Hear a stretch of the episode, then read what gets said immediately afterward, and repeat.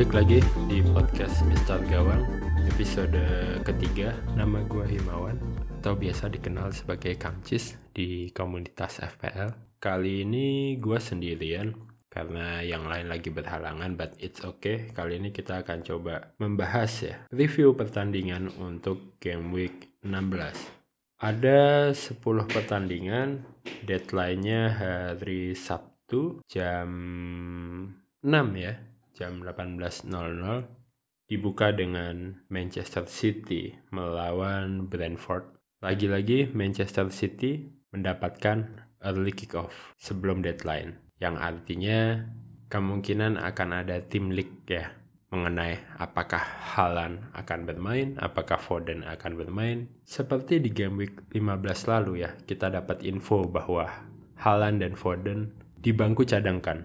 Sehingga beberapa manajer termasuk gua itu langsung merubah strategi yang awalnya Kapten Halan menjadi Kapten Salah yang alhamdulillah ya uh, cukup baik walaupun beberapa teman kita ada juga yang gagal ya walaupun sudah mendapatkan informasi itu tetapi sayangnya servernya down padahal masih 15 sekitar 15 menit ya sebelum deadline. So uh, untuk besok mungkin akan kejadian seperti itu lagi buat teman-teman silakan di lock timnya amannya kurang lebih setengah jam lah ya setengah jam sebelum deadline uh, di lock aja timnya ya kak kecuali mau gambling mepet-mepet nunggu early team news kayak kemarin ya Ya, semoga berhasil.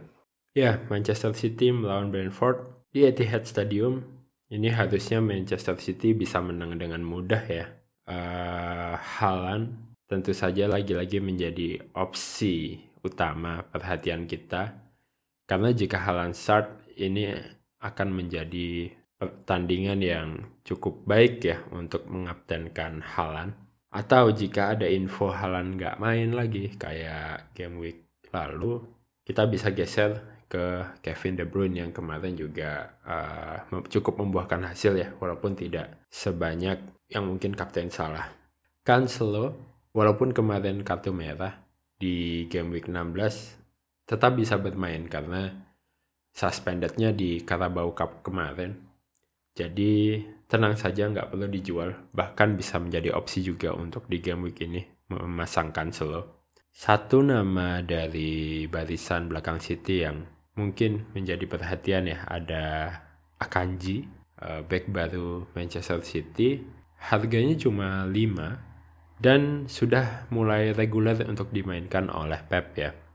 Dan si Akanji ini, juga uh, punya statistik eh, rata-rata uh, satu shoot from set piece di empat pertandingan terakhir ya. Jadi bisa menjadi ancaman ketika Manchester City mendapat set piece ya di depan gawang Brentford. Opsi murah back City uh, mungkin akan kebagian clean sheet juga bisa jadi pembeda kalau memang butuh uang untuk ngedowngrade Cancelo. Tapi kalau udah punya Cancelo mah dipasang aja, nggak usah dijual. Lanjut di pertandingan kedua ada Bournemouth melawan Everton ini adalah pertandingan dengan banyak apa ya opsi pemain murah ya di kelasnya masing-masing.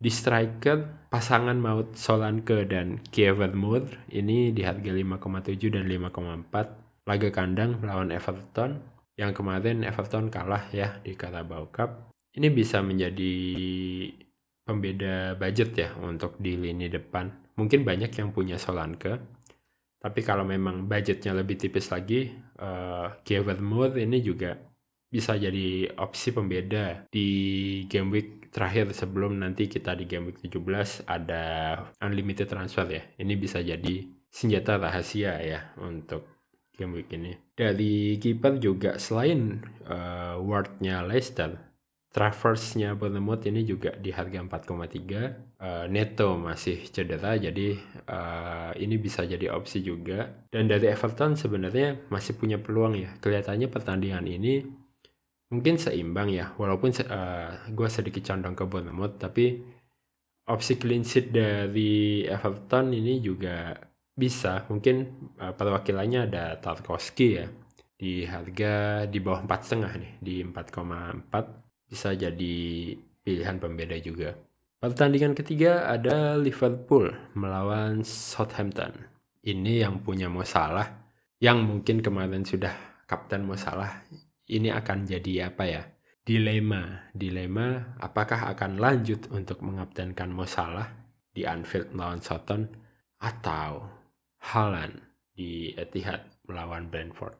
50-50, tapi gua sebagai owner keduanya sebenarnya dan juga kemarin kebagian pestanya salah mungkin gue akan coba lagi sih untuk game week 16 ini untuk kembali uh, mengabtenkan Mo Salah selain Mo Salah uh, nama Darwin Nunez juga cukup oke okay.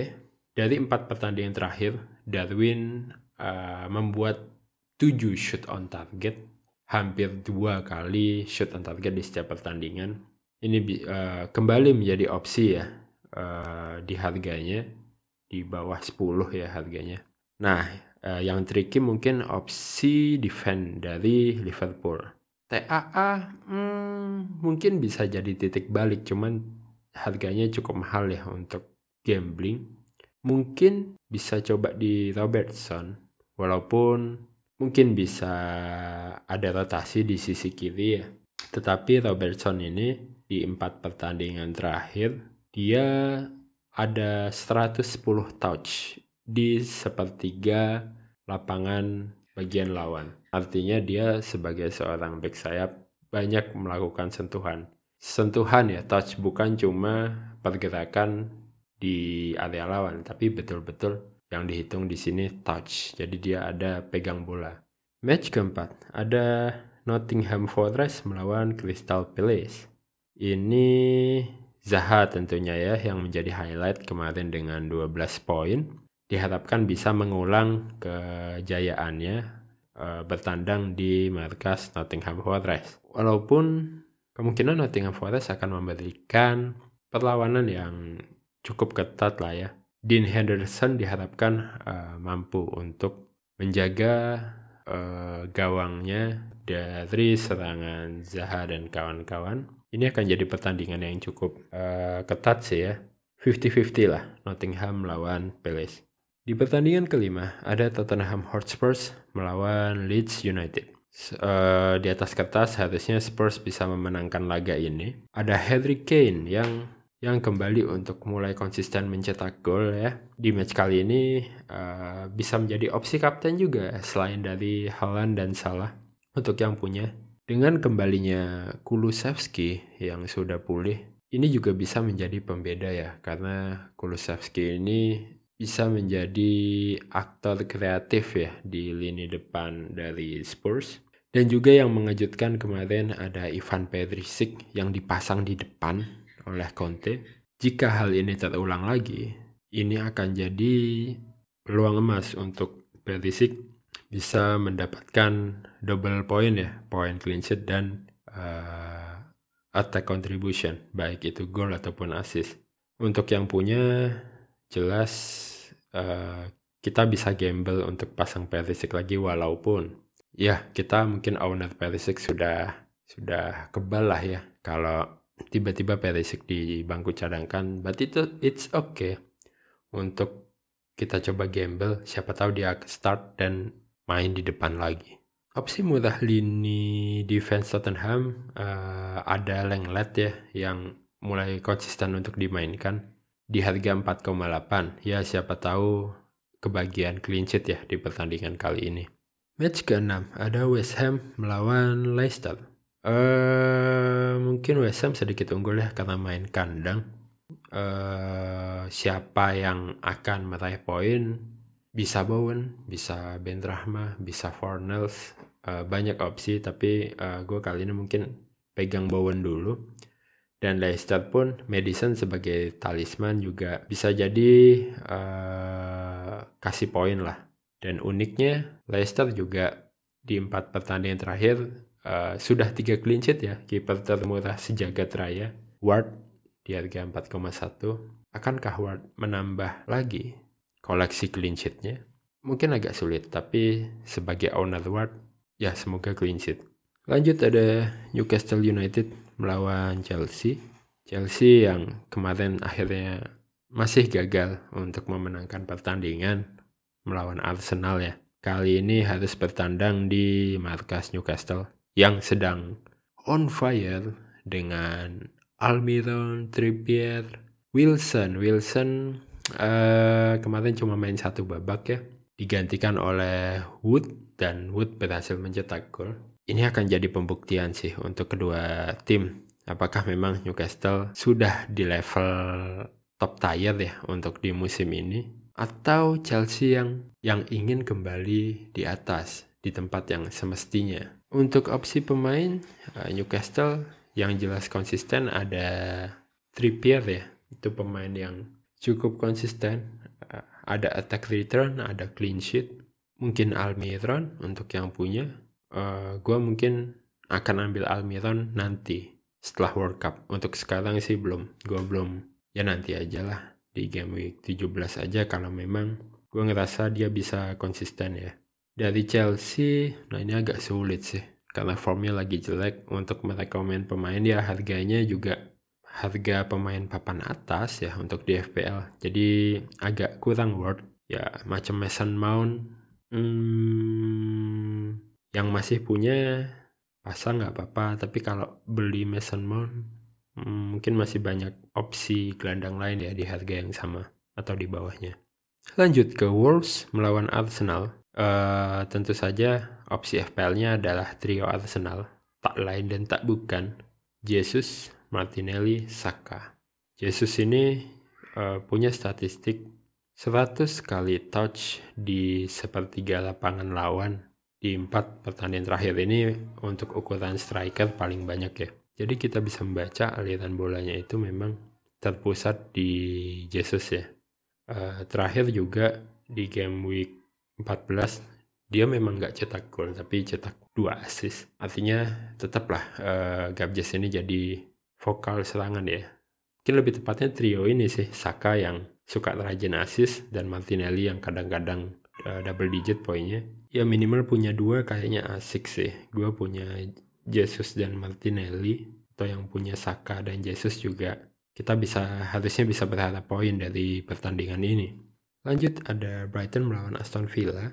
Hmm Trossard ya. Lagi-lagi Trossard. Kemarin juga cukup oke okay, Trossard dimainkan di depan. Kali ini pun gue sebenarnya agak tergoda untuk membeli Trossard yang mencegah gue beli cuma satu sih, uh, good evening. Kembalinya form Aston Villa setelah kemarin berhasil mengalahkan MU. Jadi ngeri-ngeri sedap nih. Takutnya uh, Aston Villa memang sudah bangkit moralnya. Karena kita tahu satu pertandingan setelah Gerrard dipecat, itu Villa juga cukup bagus ya. Menang dengan skor yang cukup meyakinkan. Itu yang bikin ragu untuk beli Trossard tapi yang udah punya ya ini adalah peluang ya peluang untuk poin terakhir sebelum World Cup.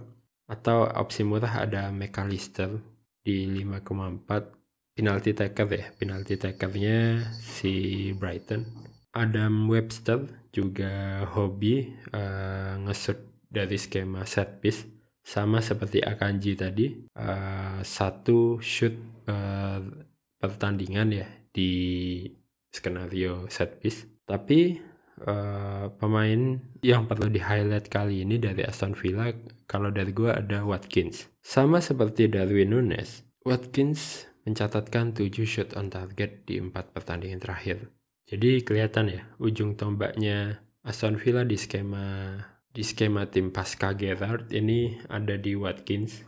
Mungkin Watkins bisa mencuri satu gol walaupun kalau untuk menang kayaknya tetap menang Brighton sih. Last match ada Fulham lawan MU. Oh, ini mungkin akan cukup ketat. Dari Fulham yang gue perhatikan, Andreas Pereira ya, mantan pemain MU, yang ternyata bisa dimainkan ya karena kepindahannya ini permanen, bukan loan. Jadi nggak ada klausul bahwa Pereira nggak bisa main melawan tim induknya gue pasang Pereira Uh, mengenai Mitrovic, uh, kita masih wait and see ya, karena kemarin tiba-tiba juga nggak dimainkan karena cedera. Jadi opsi paling aman untuk Fulham sih di Pedreira. Kalau MU, uh, Rashford ya, tentu saja. Uh, kemarin kalah juga cukup tidak diduga-duga sebenarnya. Mungkin MU akan mengakhiri Premier League sebelum World Cup ini dengan kemenangan ya. Kelihatannya ini akan menang MU untuk opsi pemain yang yang jelas-jelas aja Rashford sih. Kalau untuk clean sheet nggak tahu ya, agak kurang yakin. Oh iya, by the way yang punya Dalat, uh, Dalat juga nggak bisa dimainkan karena akumulasi kartu kuning. Jadi uh, bisa diganti ke opsi-opsi back yang lain di harga yang sama. Gue malah punya feeling Bruno Fernandes mungkin kali ini akan mencatatkan attacking return ya entah itu gol atau assist. Walaupun dengan harga yang masih mendekati premium ya.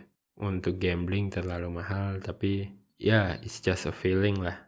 Kalau mungkin Bruno akan memantapkan dirinya di pertandingan terakhir sebelum nanti di Piala Dunia bersama Portugal.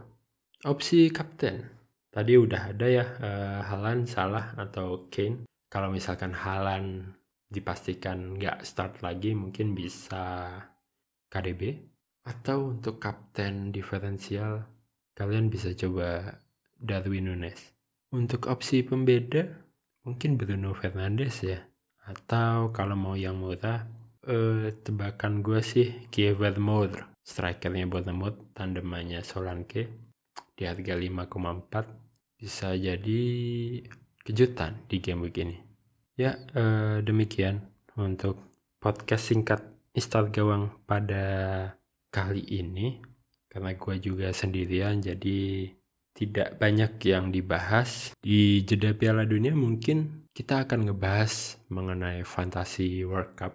Jadi buat teman-teman yang main, tetap stay tune di podcast kita. Kita akan coba bahas walaupun mungkin kita bahasnya seminggu sekali ya, rekapan ya but it's okay. Semoga uh, kita semua bisa menutup FPL sebelum jeda Piala Dunia ini dengan panah hijau. Terima kasih yang sudah mendengarkan. Salam-salam buat keluarga. Hati-hati di jalan. Misal Gawang Podcast pamit.